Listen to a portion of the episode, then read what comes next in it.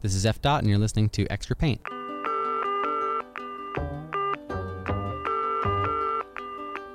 Hey, my name is Eric Friedenson. Most people know me as F Dot. I'm an independent artist and muralist based in Brooklyn. Extra Paint is a podcast for muralists, artists, and art lovers of all kinds. In each episode, we're talking to different artists and makers who are truly dedicated to their craft and making an impact in their communities. We got a big episode today. We're talking with my friend Amber Vittoria, who is an independent illustrator just based just across the bridge in Manhattan. Her work focuses on the portrayal of women within art, challenging the pre-existing norms that our society has about women. And she's collaborated with some like-minded brands such as NBC, Warby Parker, the New York Times, Instagram. Yes, she's collaborated with The Gram, all to bring this vision of hers to life. She's really prolific in how she puts out her relatable artwork and videos every single day, and I've looked up to her for a while. I remember reaching out to her just for some advice a few years ago, and she was so accepting and helpful, and I wanted to recreate part of that conversation for you because I learned so much through talking to her. She has painted a few murals in the past, but mainly this conversation is me asking her about the two main areas of her practice, which are fine art and brand collaborations which I find myself doing more and more as time goes on between the larger mural projects. So, how do you get going with doing this kind of work and how do you actually get paid to do it? How do you attract better brands to see your work and to hire you and get paid what you're worth? How do you go against the grain and do so with confidence? These are some of the questions that I asked Amber when we met up and I wanted to just learn from her. We get into all that stuff and more in this conversation. You're going to love this. Okay, let's go talk to Amber. I do a lot of personal work and that tends to be the work that I share most on Instagram just because a lot of client projects sometimes could take months if not years to complete and be able to show out in the world. So I make my own work to kind of fill that space and also fill uh, my time and my freelance salary. What's your process like for approaching a new drawing of just do you just let your mind roll with it or do you have an idea in your head already and then you figure out the tools? it depends on the piece, but all those, I feel like I'm very Gemini in that way. I'm like all of the above. For pieces with clients that I have a bit more of like a systematic approach where I'll do sketches and I'll work with them on those sketches and the ideas and then bring those into works in progress and go through edits and then come up with a final product. Uh, but for my own work, I just kind of start making things. And sometimes I'll have an idea before I go to making a piece, whether it's a drawing or a painting or um, something digital. Uh, but oftentimes I'll just start drawing. And then as I'm working through something, it will kind of like trigger something within me that kind of helps create the idea and then see that piece through to the end. I love how most of your work focuses on the female form. And that's something that you can really easily wrap your head around. I feel like as artists, we have so many things that we care about and we want to make art about all of it. So I'm curious how you develop that mission statement for your art or that like focus. Yeah. So I think I mean, when I was a kid and in high school, like, you know, as a woman, like, you know that you're always not treated the same, but like I could never really put my finger on why.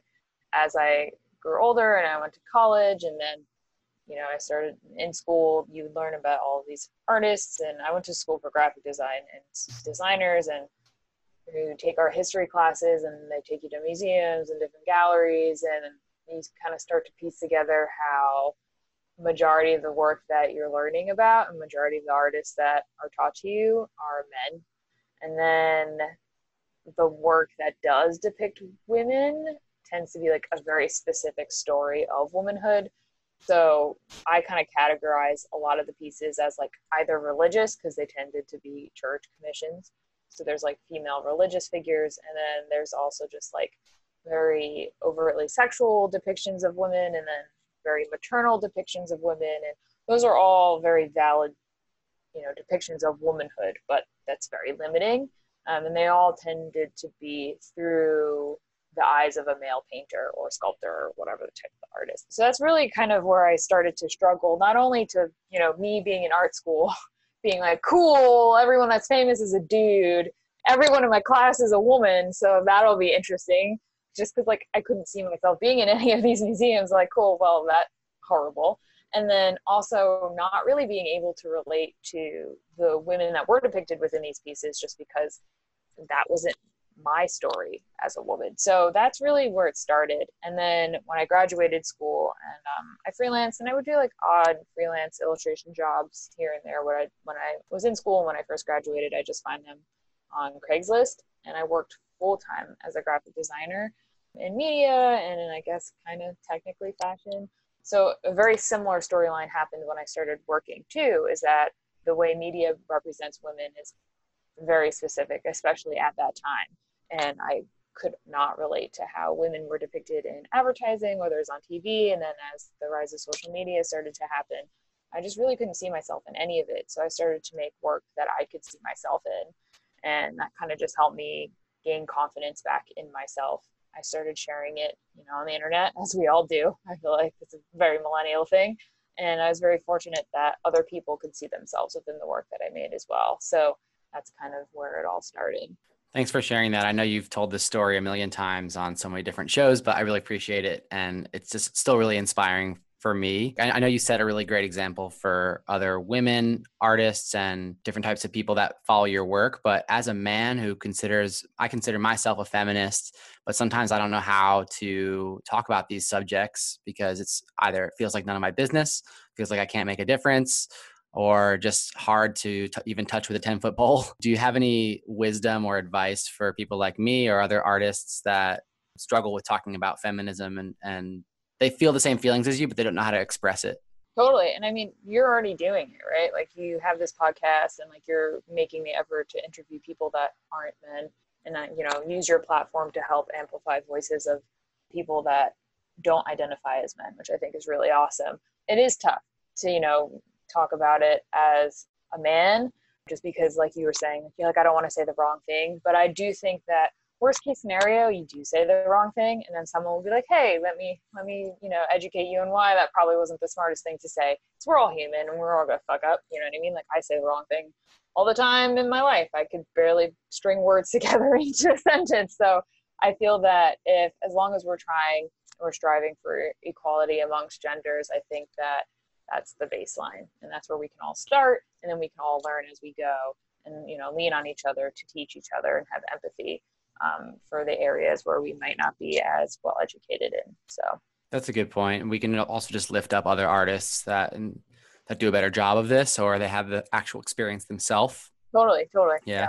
And then on that note, like can you talk a little bit about your relationship with color? Like I know that you, since you draw figures all the time, you do have to choose skin colors and that's also a tricky thing to do as an artist. Like you could be leaving people out or misrepresenting or you know drawing features in a certain way that could be offensive. Have you ever had any situations like that where you, where your one of your figures was offensive to a person of color? Like yeah just like how do you choose that stuff? Yeah, for color for me that's something that I'm actively working on.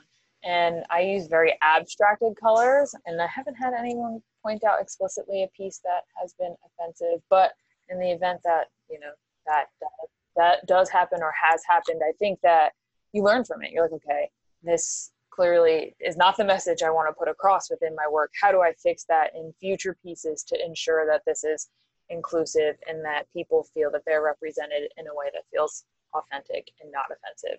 So that's something that I'm still working on too just because I use very abstracted colors for my form. So I'm just trying to um take a note from other artists and you know see how we're all just kind of fielding through how we use color in representation of other people that may not look like ourselves. What about color in general? Like how do you choose some of the other colors for your pieces even just besides skin color? So a lot of the palettes are actually inspired by nature, which is why I think that they're so abstracted when they're applied to human form. And I I love going out into nature. My goal is to see as many national parks as I can in my life. um even though right now I don't know, this year kind of put a halt on that goal. So whenever I go out, I have like I'm like that old person with a billion photos of flowers in their phone. or like photos of like a really pretty colored wall that you walk by in the city You're like, "Oh, I like that color." And that's really kind of what inspires me in the palettes that I make. So it's kind of like this combination of a story of like how I can relate to the work that I'm making, not only in form but just kind of using the colors that are around me out in life. Going back to something you said earlier about like when you screw up or if you misrepresent someone or make something that's offensive obviously like the goal should just be to keep like learning and do it better next time. But something i love about your work is that you're just not afraid to try stuff. Like you're always making art seems like almost pretty much every day and you're putting stuff out there every day. It's all new. I find myself uh trying to fill in gaps just sharing old work. And I, the thing i like is whenever i see work from you it's usually new and fresh and not, and different from what you last made or at least like a variation on that and it's just always this never ending story. So the thing i want for the listeners to take away from this is just to like not be so precious about the art and like how you got to be so rapid fire like let's just make art and share it like make and share make and share. Like was it always easy for you? Or was it something that took a while to develop the confidence? That definitely took a while. I'm like oh that sounds really great. I wish i wish it was it felt like that or in my head at least the making and sharing work it's something that like even though on the surface it's um you know like I'm just like fine with putting stuff out there and not being precious about it that definitely took me a long time to learn or I guess unlearn preciousness. And I think that that's a credit to a lot of my college professors that they would just like have us make drawings that were like a minute and then they'd force us to turn it upside down and then they'd force us to erase part of it. And it was just kind of like a psychological unlearning where it's like this is you making something. And i think that that practice really helped me also not be precious with my work in a sense of like oh should i share this? Should i not? Even though i do still experience those questions in my mind. Um but it also kind of taught me that you know artwork is fallible because it's made by human beings who are also fallible. And like as we learn and as we grow and we know learn more about the world our work will start to reflect that. So i'm hoping that as my work grows that i'll learn from other people and kind of put that into the work and not be as precious about work that i made in the past. If i've made an error just kind of take that and learn from it. In terms of posting work that's new all the time actually a lot of the time like i'll just make a piece and then i'll just not share it for a while but i keep it um in my phone. I know this is a podcast and no one's going to be able to see this but I just have a on my camera roll it just says Instagram. So this is my artwork and artwork that I've gotten permission from other artists to share in my feed at some point in the future. And then that day I'm like, "Oh yeah, like I'm going to share this today even though I made this 3 months ago. This is how I'm feeling today too." So usually that's kind of what I do and I don't really say like, "Oh, I made this a long time ago" unless that it is important for the narrative where it's like, "Hey, I made this a few months ago during like my birthday or, you know, something that makes sense for the story that um lives within the piece but usually I just kind of save everything. And as time has gone on I've gotten a lot less precious. So you're to your point of like oh how do I fill the gaps? If I like make a sketch in my sketchbook that's like you know not super refined but I like it I'll just scan it in and share it eventually. So I think that over time it's just kind of you know forcing myself to not be precious with the work that I make um, even if it is just like a scribble in my sketchbook that doesn't really have any meaning. Yeah, you I think it all still evokes emotions and I think one of the things I love about the way you share your work is the captions too. Yes, those are so much work. Oh my god, I'm glad yeah. you said that. Sometimes you turn them into self-portraits just by saying like this is me staring out the window waiting for the weather to change or whatever. And something I learned when I was just starting to put my work out there online is like that you're supposed to in in the marketing world make it all about the audience, right? You're supposed to like make it all about them. And so it feels counterintuitive to be talking about yourself, but then what happens is people start to see themselves in your story, right? So was that something that you've done for a while like just creating self portraits or framing your work as a self portrait even if it wasn't created that way? Yeah, um I mean, yeah, the whole yeah, to your point about the marketing world, yes, that took a long time. Where it's like, how do I frame this piece for the people on my my like 300 followers on my Instagram? And then I was like, "Oh, fuck it." I think it, I don't know if it's a combination of just like I didn't know what else to say just because I'm not a writer and I'm not very eloquent. Um I just started kind of being very honest with how these pieces made me feel. Um it's a little bit easier to come up with captions for brand collaborative pieces because you know the brand and I have talked about the meaning behind the piece for a lot longer. Um but for a lot of my personal pieces it makes sense in my mind and it usually makes sense in the image but sometimes it takes a lot of work for me even to just be like this is me not being able to get out of bed you know? Like even something as simple and straightforward as that uh definitely takes me a lot of work so I appreciate that compliment. I think sharing my own point of view i just hope that other people can relate to it just because i know that you know my experience isn't special in the way that i'm the only one experiencing it I mean, I have a couple pieces of yours around my apartment. You can I see, see one in the one. background there. I love it.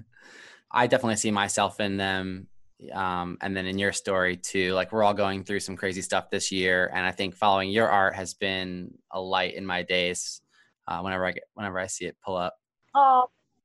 Thanks. That means a lot let's talk a little bit about the business side of it. How do you actually sell your art? Like commercial clients, we talked about that on a couple other episodes, but let's talk about the prints and the originals because not too many people are doing it the way that you're doing it, at least at the pace. Yeah. Um, and that was part of that was a lot of the questions that I asked you early on when I met you. So like take me through what are the different options for acquire acquiring your work and maybe some of the trial and error that you went through to like develop this system for your business. Yeah. Um so I mean, I'm still learning and growing. So I mean, as you know, you know, when you start off as an illustrator, everyone's like, you need to get an agent and that's how you find client projects. And I like tried that and it did not work out. They were like, nice work, but no.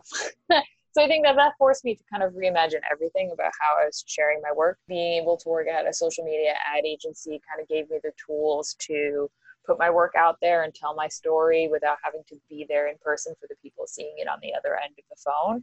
And so I kind of took that knowledge and applied that to how I sold my work. So in terms of prints, I I love buying limited edition prints and signed prints and things like that, but a lot of the people that do follow me, you know, they just they can't swing, you know, a limited edition print that's, you know, a big size. They live in a small apartment or they you know, they just can't afford it and I wanted to make my work as accessible as possible. So I use Society 6 and the nice thing about them is they have good quality prints they're um not edition they're not signed they handle all the fulfillment and that kind of helps me twofold. One it addresses the accessibility um and allows people to pick different sizing from my prints and you know have it kind of fit their home um and also not be too too expensive. And then it also helps me out just because uh, my fiance and I live in a very tiny apartment so to like make limited edition prints of everything that I've ever made it would like take over the whole 600 square feet that we have. So I think that eventually I love the idea of doing limited edition prints. And sometimes I do that in collaboration with like smaller galleries or print shops, but eventually I'd like to do that more. But for right now, I think that keeping it accessible and making my life a little bit easier, um, Society 6 has really been a big driver for me. And I just kind of shamelessly put that that out there. Like whenever I'm like, hey, you want to buy a piece of mine? Or if I make an illustration that the original sold, I'll always send them a link to the print that is uploaded on Society 6. So that's one kind of, I guess, arm in how I sell my work. And then the other it's definitely been trial and error just selling my drawings whether they're you know the acrylic and ink on paper or digital and ink on paper can you explain that for a second the digital and ink because that was fascinating to me when i learned like how you do that how you print it and then add embellishments yeah so i forget i think uh shepard Fairy, obey they have a really good term for it. It's like hand painted multiple is what they do but they actually addition the multiples. And for mine I try to keep that pricing accessible as well because originally I, I print them on a laser jet cuz I really like that texture. I use thinner paper so my ink doesn't bleed or kind of like bleed out in a really bubbly way. And then I add details by hand and scan it back in. And for me that was just a nice footing in digital and in analog um, just because I went to school for design, but our program is heavily rooted in fine art, and somehow that kind of married the two in my mind. Um, and originally I didn't sell them. Like I would just make the one that I liked, scanned it in, kept it, and made prints of it. And Dave, my fiance, he's like, you should sell the second one that you make. So usually we make like one or two, and like one of them I'll mess up somehow. And he's like, you should try and sell those and see if people would want them. And I was like, oh, that's a good idea. So I just started listing in, in, on Instagram and in my Instagram stories if people would like to buy them. And then everyone's like, yeah, this is really awesome. They are smaller. and They are a bit more fragile.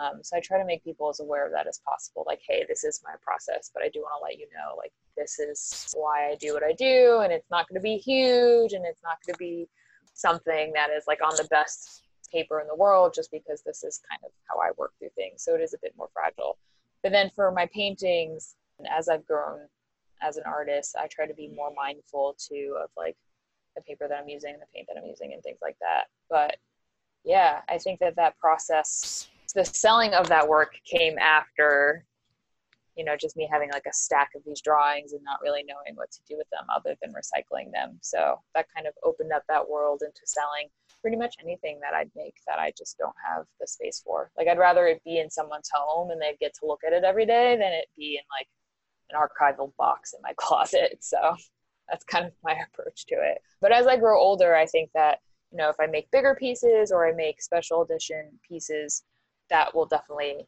change. But for now I feel like that those kind of two arms selling my originals just through Instagram and then also selling uneditioned prints have really helped me a, a lot financially especially through um the pandemic especially in the beginning in like March April May. So there's two different processes that you explained there. There's the Society 6 which is essentially print on demand. So somebody orders a print, it gets made to order. I'm guessing you can get framed prints and other options as well there.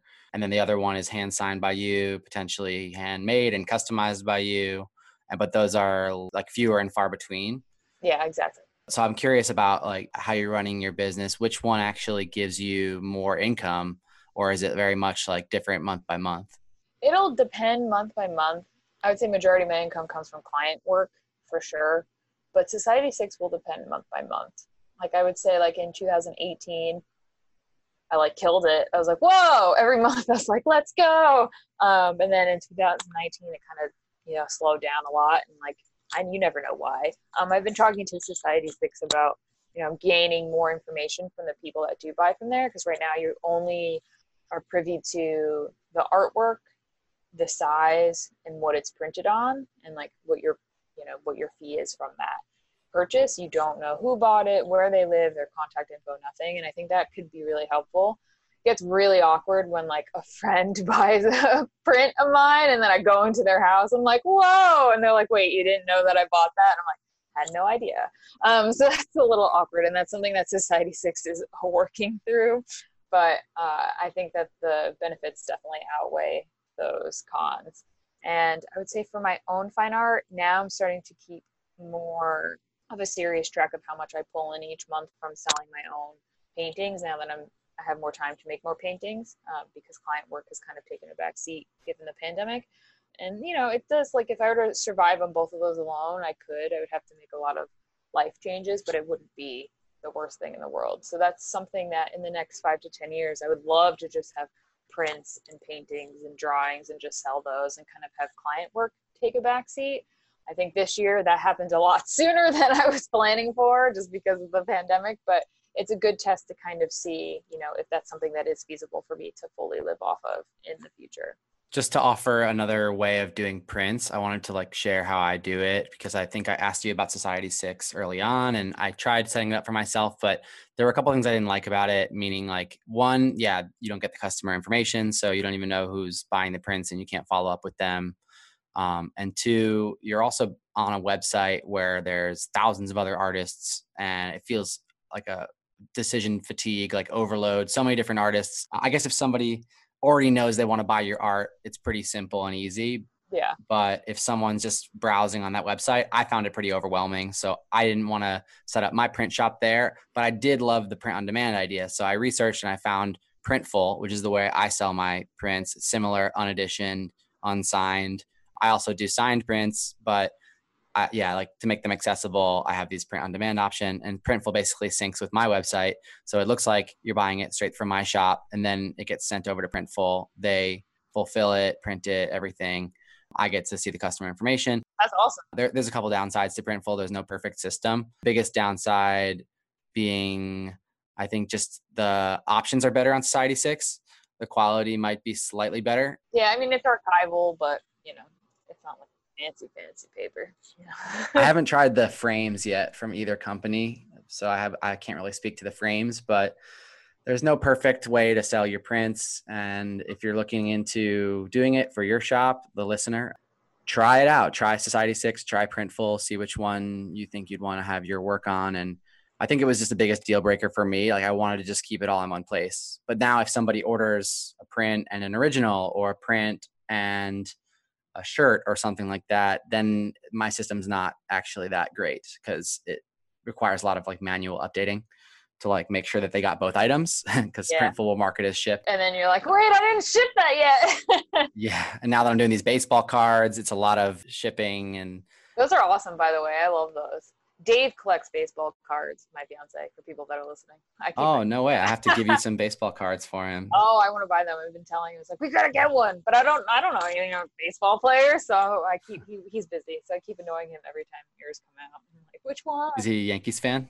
Um, he we like the Mets. I mean, we okay. all, we used to just go to Mets games, but he just loves baseball in general. Like he know has all this knowledge of all the players that have ever played. And I'm like, I wish I could put that I wish I had knowledge of something like that, but I do not. Um, but they're beautiful. I love how you've been uh like you know adding different like layered elements and storytelling to it. Especially for someone like me that has no idea who some of these players are. It's kind of nice to kind of see their story on the card itself. Yeah, I've been having fun with it for sure. I don't usually do portraits and so I've been leaving the photo pretty much intact and I tried doing some of the abstract portraits but I just felt like with the baseball card collectors, like this is their hero.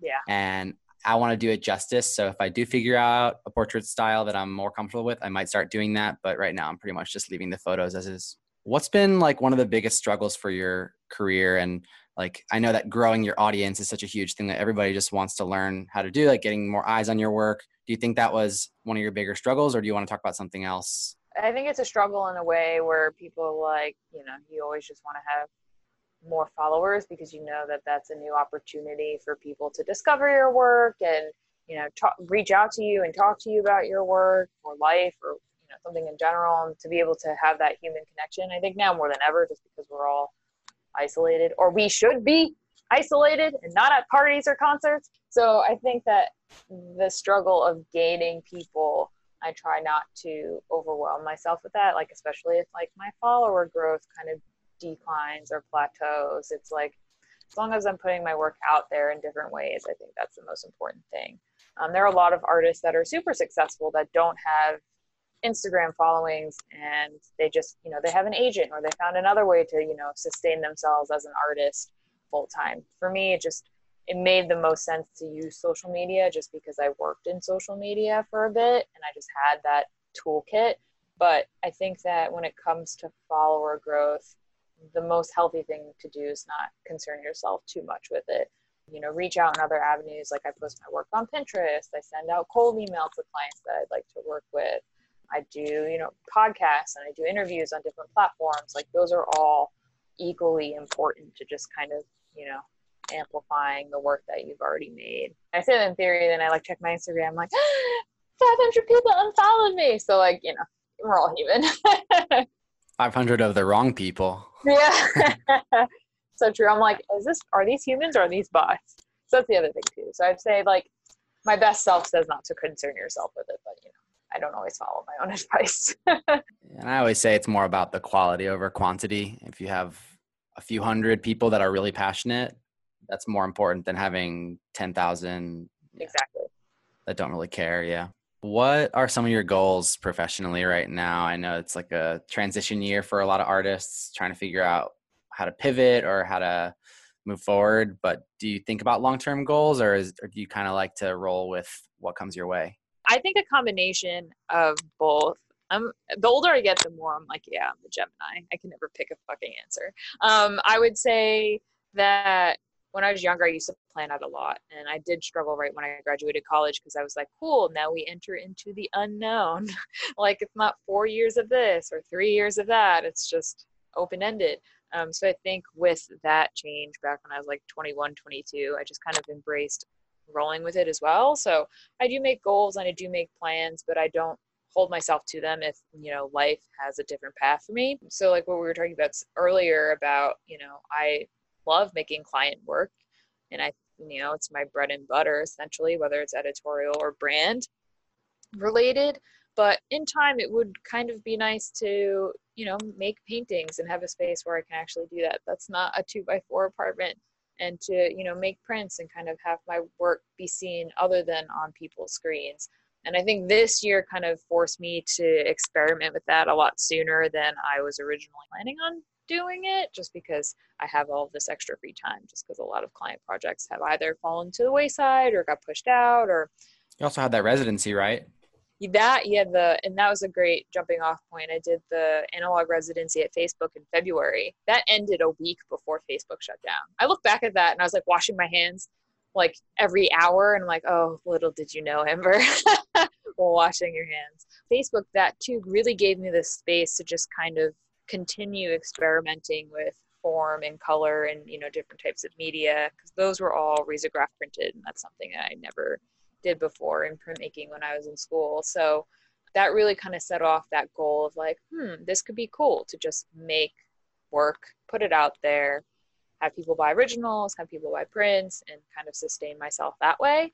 But I knew that probably wouldn't happen at least for another 5 to 10 years. But then with the pandemic and having this extra time um, trying to experiment with what that life would look like in a smaller sense and if I would even enjoy it. So um, I'm still doing client work, but it's just not as heavy as it was last year and the year before. So that's the long-winded way to say both. so yeah, I make plans for sure, but I don't hold my I don't feel guilty if I don't fulfill them just because, you know, you can never predict the future. Yeah, I think I'm the same. I like making goals, but I don't look at them enough and things end up going whatever way reality wants to throw at me, you know, like For sure. Yeah. Do you think we see some more murals in your future? I know you've done a few. I would love to. Yeah, I know. I was like when you asked me to be on, I was like I've done two murals. It's okay. I wanted to talk to you about other stuff and I think cool. if it's everyone's a muralist, it becomes a bit of an echo chamber. So For sure. Yeah, I mean, murals I, and it's interesting cuz like I've I definitely follow like a few people that um predominantly make murals and you being I feel like you do a lot, but murals are definitely one big thing that you do. And I feel like a lot of times brands will come to artists and be like, "Oh, yeah, can you make this drawing a mural?" And I'm like, "Uh, I can. I cannot guarantee how great it will be, but I can try." So, I think that making murals is something that I want to keep practicing at and working at. And I've been fortunate enough that the few that I've made in the past that they were very open to kind of it becoming its own thing if it looked different than the sketch but it's something that I hope that you know especially as hopefully we soon you know get over the pandemic in the next year or so um to kind of be back out there and make more uh paintings and more murals for people. Speaking of the pandemic do you feel like emotionally the way that you approach work you know has that changed a lot? are you able to create as much? Like i know you have more free time but like mentally are you always like ready to create or is it uh, a difficult time these days? It'll it's like a ebb and flow. I feel like the last few days i haven't really made anything. That's cool. Dave and i are watching the marvel universe in chronological order. So like there's that you know? Nice. like instead of doing work. And i think that's fine. It took me a long time to kind of be okay with the fact that i don't always have to be productive. I'm definitely trying to um actively unlearn that kind of capitalistic mindset that we all have I feel like in America is to always be productive and it's like you know you you're a human being. Like you do work and then you don't do work and your life shouldn't revolve around the work that you do. It should be bigger than that. But I'd say during the pandemic I've made a lot of you know drawings and paintings by hand and I've been sharing those a bit more and I've always done them but I've always been kind of afraid to share them just cuz the few that I have shared in the last few years just they never performed well and that kind of affected me in my confidence. I'm like, oh, maybe I should just stick to the digital and hand ink cuz those perform the best. And then at the top of the pandemic and I was just like, what is life? What is time? I'm just going to do anything that I want to do and I'm going to share it if I want to. And um that really just kind of opened me up from my own walls that I kind of built around myself about my own work. So that's been really helpful.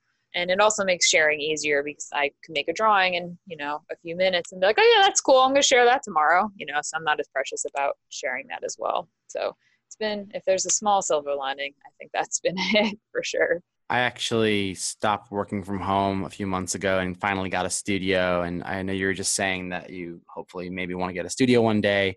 Um I think there's something really natural about like seeing your work in your home and feels like it's a big part of your life that you kind of bounce in and out of throughout the day and it's not like you work from 9 till 5 and then you stop. So like what's a day in your life in terms of like do you like to create in the morning in the afternoon or is it just like depending on the day, the mood? I have trouble creating in the morning, uh my best stuff at least. Like I can doodle, but I I can't like get really deep into the process of like making something detailed. What about you? It will depend. Uh I do think that to the point of the studio, eventually Dave and I want to move out to California just because nature, but also city. My goal instead of having a separate standalone studio would be to have like a room in our apartment, maybe house, put that out in the universe to work from so it's more than just like our kitchen table which is what it is now which is fine but it'd be nice to have a little bit more space. Um but in terms of creativity it'll depend on the day. So i try to calendar myself out uh, it's just kind of like left over from working in advertising and i'll block off like going to the gym and going to the food store not going to the gym exercising now um going to the food store and you know doing like clerical things like emails or sending out agreements and then working on artwork and then some mornings I'll wake up and I'll be like, you know what, I actually want to get the artwork done now. I want to work on that now. So I'll kind of flip that schedule. So I allow myself the flexibility if I'm feeling like making work in the morning I will or if I feel like making work in the afternoon. I kind of allow myself to kind of ebb and flow between the two. But I'd say for the most part the afternoon just is easier cuz I'm more awake than in the morning. Yeah, same. I wanted to ask about like the client projects that you get. I know that we only typically see the finished product and we don't see like how many revisions it went through or how it was working with that client without giving any names. I just wanted to know if you could share like some of the challenges of that because a lot of artists getting started they just idolize people like you who just always seem busy but it's not all sunshine and rainbows as we know. Oh yeah no. Yeah i try to be very upfront with my work back schedule. I was like for this price this is your scope again, probably left over from advertising. Can you actually break that down a little bit? Like give an example? So a good example would be like, say there's an illustration that I retain the copyrights and the usage for them is just one social media post, nothing else beyond that. It's an illustration, you know, loosely inspired by their brand within, you know, the constraints of the work that I make and say it'll be like $2,500, right? Um, so I'll say illustration fee, $2,500, usage, social media only, one post, etc. And then I'll break down the timeline. So I'll say the first, the first deadline is to send half of the invoice and have it filled up front. I try to do that especially with new clients unless they have like a net 30 agreement that we've signed. Um, so when I send the invoice, I'll also send over a rough agreement. And if anyone's listening that needs like a boilerplate agreement. It's like my dad wrote a two-page one for me. That's pretty simple.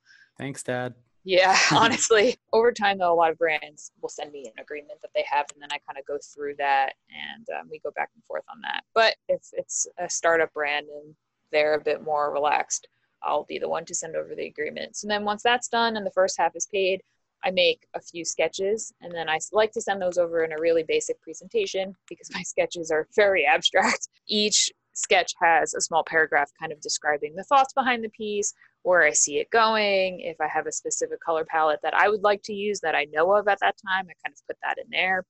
Once the client chooses the direction they feel most strongly with, then I go into a work in progress. And that's really where I build out the final shapes and colors and forms and things like that. And I send that over to them. And usually, depending on the budget, that'll be one or two rounds. And then I'll finalize the piece for them, send over a low res, have my um, second invoice filled and then send over the high res. So I try to keep it straightforward. And sometimes that doesn't work. I'm working on one project now, and they're awesome. It's for a fragrance, and it was originally the scope was for two illustrations, and then they added a third, and then they added a fourth. And it's just, you have to be very upfront, be like, great, like, you know, here's the scope change, here's the new pricing, like, I'm going to send invoices this way now and most brands are very very fine with the fact that if the scope changes so does the pricing. But you'll get projects like i had a project earlier in the year where god knows how many revisions i did and i just held on to that project cuz i was like they're very nice to work with even though they're definitely taking advantage of me but it's a pandemic and i have nothing else to work on. So there are some times where i'll you know if you're kind of in you're desperate and you're like I have nothing else right now so I have to kind of stick with it. But I continually would call it out saying like hey we're on round 7 and you scoped for 3 rounds so we need to talk about these. And eventually we got to a place where we both agreed with it was just having a little bit of patience. So I always try to approach it where it's like we're all human. We all want the same goal. We want to make you know beautiful impactful artwork um that has a strong message and like how do we all get there and how do we all feel comfortable about getting there where no one is being taken advantage of. So that's the lens that I try to approach it but I'm human and sometimes I get upset about it. But I'd say the the more clear you are in your communication the easier the process is. Even though that's not infallible it it helps majority of the time. I like what you just said there about no one getting taken advantage of.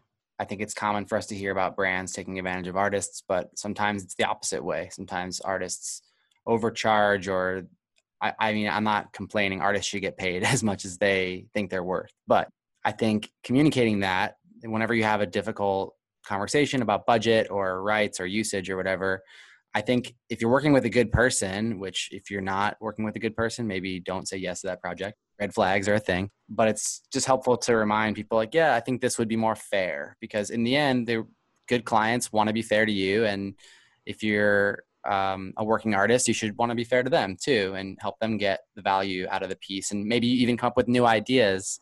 Like have you ever had a project where somebody asked you to do a specific thing, an illustration or and then you actually said, "You know what? I think this would actually be a better scope for what your, you know, your budget."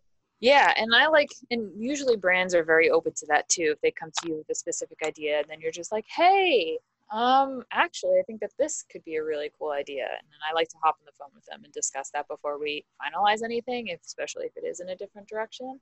Um, and then to your point about charging and pricing, I ask as many people as I can about projects, especially if I know that they've worked with that brand already. I'm like, hey, how much did you get paid? and then that way I know that I'm not over or under charging just because you know every brand is different and usually how I break it down is like usage is the number one thing. Like are they trying to own the copyright which is more rare because those are huge projects or is it a licensing situation and for how long and for what? But sometimes I come in too high and then sometimes I later learn that I come in too low and I think the more that you know we ask each other about like hey i saw that you worked for this client like do you mind sharing a ballpark of what that was? Or hey i've seen you've done a similar project even though for a different client. You know what were your rates for that? I think that just kind of helps us all out. In worst case scenario if you come in too low and you later learn about it then you know you know to adjust for the future. And if you come in too high and they say no then you know you, know, you also learn for the future. So it's always a good learning experience either way. For sure. I, I think the usage and licensing portion of that pricing is something that comes with time and it's not taught very much in schools. It's not taught very much online either. So like where would you give someone advice to start with that if they feel like they're not charging enough for usage? Like I had a, a, client come to me the other day saying they took a photo of one of my murals and they wanted to use it in an ad campaign and I didn't know how much to charge for that. They told me where it was going to run and how long, but I still didn't really know So like, do you have any resources that you could point people to for that? I know there's a book out there. Yeah, I was to say people keep telling me about that illustration book, which I've not looked at. I probably should. I think it's Graphic Artists Guild. Yes, yeah. that's what it is. Yep, yep, yep. I just ask other artists, like you know, like that in that particular situation, like for you, I can always ask Dave too. I'd ask Dave because he works in advertising. Like, hey, like they want to run paid behind this photo that contains artwork. Like, you know has have you come across that on from the paid side? So i try like i try to ask people like that might have um have had that experience already. People want to help. Yeah exactly. Because i think that a lot of the time people get a little nervous about talking about money but i think that it's important to share. Uh it's tough to share ballpark just because every client and every usage and every project is different but always feel like even if you're listening and you don't know who I am, like if you have a specific project, just be like, "Hey, I got this project from this client. They want to charge this much. Is that or they want to pay me this much? Is that too much? Is that too little? Like, you know, what should I change the usage?" Um I think it's always important to just kind of reach out to people and ask them. Worst case scenario, they they don't want to share. That's fine too. Yeah, I appreciate how accessible you make yourself for other artists too. Like I'm sure if anybody was listening to this and they wanted to ask you a question, they could just shoot you a DM. Yeah. And hopefully you could get back to them like not, not like super lightning fast, but you know. yeah, I like I love getting back to people. Yeah. I've seen a um a handful of artists trying to do like something very similar to what you do. I wanted to ask you about like how does one get go their own direction, you know, like what what do you think like is the advice that you'd give to somebody who just feels like the only option is copying someone else. Because yeah. they don't know themselves enough. Is it just time? Is it just putting your putting the hours in? And this is something that is such a gray area in general because it's not binary you know? And it's something that I'm still learning too. My ever changing rule of thumb is that if you're you know tracing or copying or being inspired by a specific piece or a collection of pieces from one particular artist i think that it's important to you know kind of be like inspired by and tag that artist.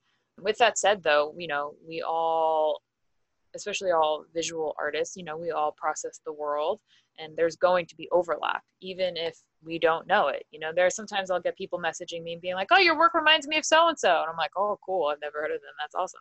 So I think that like that's definitely a gray area. But I think if you're intentionally looking at somebody's work and making work based off of that other artist's work, then I think it warrants just credit saying that you were inspired by them. But what if it was a commercial project like they're getting paid to make it but they're referencing that's where I don't know. That's no. That's a no no. Yeah, I was gonna say that. Now, that was gonna be my next point. I'd be like, if it's a, a personal piece, you know like if you're a student and you're just sharing your work you're like oh I made this piece inspired you know by FDOT um however they can't take that piece to Adidas or Nike and like make a few grand off of it. You know what I mean? Cuz like that that's where it starts to infringe on your rights as an artist.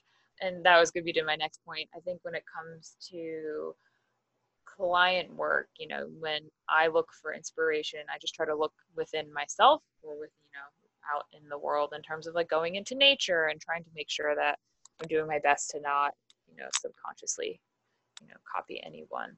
Um, but I would say the one thing that I do get real vocal about is when brands just like take your work and use it. Cause that's just, that's actually pretty binary where it's like hey i made that exact drawing and you downloaded a low res version of it and now you're using it to advertise and make money off of it. That's wrong. Like that i think that's that's the one obvious stake in the ground that i'll make. Or like if you see me posting about anyone copying my work on instagram it's probably because it's not a copy it's just it's my work and they're using it without my permission.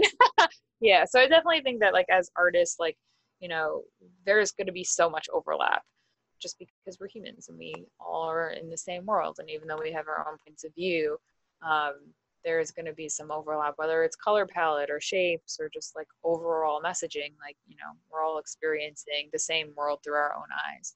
Um it's just that we have to be um very ethical about if we are being directly inspired by a particular artist how do we go about making sure that that's known and that we're not profiting off of that work? We should do like a whole other episode about that issue or a post about that on the muralist account i think would be good. Definitely cuz like even i'm trying to think of someone like a lot of people compare my work to Matisse. I'm like it's funny cuz like i never really looked at Matisse's work like when we went to museums. I'd just be like oh they're uber famous. I don't know rebellious 16 year old me. Is like whatever cool pretty colors moving on. Um but a lot of people will say that and like i by no means like look at his work or reference his work when i make my own work but you know that's how people um kind of categorize and learn is they link and relate things to each other. So that's not to say that i'm like a watered down version of Matisse or Picasso. It's just that that's how people are linking artists and styles of artwork together. Um so that you know cuz i know like i remember we talked about before like some people have said like where they relate your work to like a Keith Haring and i was like well yeah cuz it's contour it's abstract contour work. Not all of your work but you know the ones that where you do contour lines. And it's like, well, yeah, because that's a similar artistic approach. That doesn't mean that you are copying him or his work, you know. You're not making abstracted babies or dogs or things like that. So um I do want to make sure that there is that delineation of like of course there's going to be overlap, but you can there is it's an obvious difference when someone looks at your work in particular and makes it versus just they're making work that they've seen out in the world and it just happens to look similar to artists that have lived before us. Or even in tandem with us and we just you know we don't know. Yeah and i think as the artist sharing the work if you're ever feeling like oh this might be too close to that artist like that's a sign too. So if you're just making a personal piece like you said just credit the artist. It's an easy thing to do. Um whoever was inspiring you even if it wasn't a visual artist could be anything. It's always nice to share where you got your inspiration from. It's not something to shy away from. Has there been any downside to getting your work out there in such a big way the last few years? I mean, you won the Young Guns Award, right? The Forbes Award, 30 under 30. Like your work has been seen by so many people the last few years. Like was that the best thing that ever happened to you or the worst thing that ever happened to you or both? I would say best. The fact that I don't got to go into a nine to five job, knock on wood, where's wood? Hopefully ever again. It's great because I hated it. Oh my God. I mean, I, well, I have friends and I love everyone that like I worked with at my full-time jobs, but like, God, was that not for me at all? I don't even know how I like got through like for the six years of it, even though that's not a very long period of time. But um, yeah, it's been pretty great. And I think that to be able to not rely on the traditional ways of being an illustrator which is like to have an agent or a rep and then have them find you work to be able to kind of have your own agency over finding your own work. For me I also really enjoy. So the fact that so many people like even if there are people that have followed me for a while and they're like I I'm still saving up for a piece. And like the fact that you even like follow me and reach out to message me and like say that that reminds you of yourself or anything like that to me means so much. So yeah, I think that it's definitely been the best thing. Yeah, you get your trolls, you get people telling you that their kid could draw as good as you, and you're like, great for your kid, encourage that. Hopefully, you know, they'll become an artist. Who knows? You know, you just try to remember that the benefits, at least for me, I try to remember that the benefits definitely outweigh um, the trolling for sure. My goal is not to have like, I don't know, what's a goal? Like a million followers, right? Like, I don't need that to be happy. Like, this is good, you know? Like, the fact that people reach out to me and like I can support myself on making this work is more than I ever thought that I could do. I always thought that it'd just be something I do on the side as I worked a full-time job. Um so the fact that I I was able to make this my well, part of my life and be able to support myself on it is more than 23 year old Amber could have even imagined. So that's a good reminder to like stay present and be grateful for what you have and where you're at in your career cuz even though we're always trying to improve and get better. Like we we talked about earlier that productivity isn't everything. I was just reading a a tweet from an author today and it's an author that's known for productivity books and stuff like that and he was saying that he's pivoting to creating more writing that's about um just like helping other people become more comfortable with who they are where they are at right now because we always just feel like it's never enough. Yeah i feel that. Yeah so and like even if they make books about productivity but through that lens of like you don't have to be always on like you know that's great too. Mhm that's a good takeaway for this episode like just don't force it. It's okay to grow at your own pace. Yeah and exactly. everyone's on their own journey too. It's it's we always compare ourselves to somebody else who's in a totally different chapter. Yeah i do that all the time. It's bad. My like and that's a, to the point where you're saying like you know it's like it's a good way to stay grounded like oh 23 year old me couldn't have imagined this. My mom tells me that all the time and i'm like oh man that project that would i it would have been really cool if i worked on it. And she's like she like gives me a stern look. She's like amber just just think about all that you've done for yourself in the last 7 years please. And i'm like yeah okay thanks mom. So i try to do that to myself now too. Is like everything um i read online by it's an she's a fashion influencer um Grace Blue Sign, I believe her last name is. She posted she's like things that are meant for you will come to you and things that are not meant for you will go to the people they're meant for. So I try to remind myself of that. Well, thank you so much for making the time to chat. This was cool to catch up and get inside your head a little bit with where your practice is in 2020. And I'm just excited to see what's next for you and um anything else you want to share with our audience, maybe just how can we find your work Yeah, um you can find my work I would say most actively on Instagram. It's just my first name underscore my last name, so Amber underscore Vittoria, which is V I T T O R I A. Um and if you have any questions for me, feel free to email me. My email's on my social media or send me a DM. Awesome. That was awesome, Amber. Thank you so much for taking time to chat with me and come on the podcast. Hope you enjoyed listening to Amber's story and got something out of this. If you enjoyed the interview, go follow Amber's work and show her some love for what she's doing. You won't regret following her. Whenever her work pops up in my feed, I'm always so happy to see the colors and the forms that she's constantly pushing in different directions. If you want to follow me, you can find me on Instagram at fdot, that's E F D O T. And you can join our conversation by following us on Instagram at muralists. That's where we share our favorite artists, advice, and perspectives, as well as some practical tips that you can use right away in your artistic practice. You can also sign up for our newsletter at muralists.co if you want to get notified when a new episode comes out. And that's all we got. That's another episode in the books. We're pushing towards episode 10, which we'll be taking a short break after that.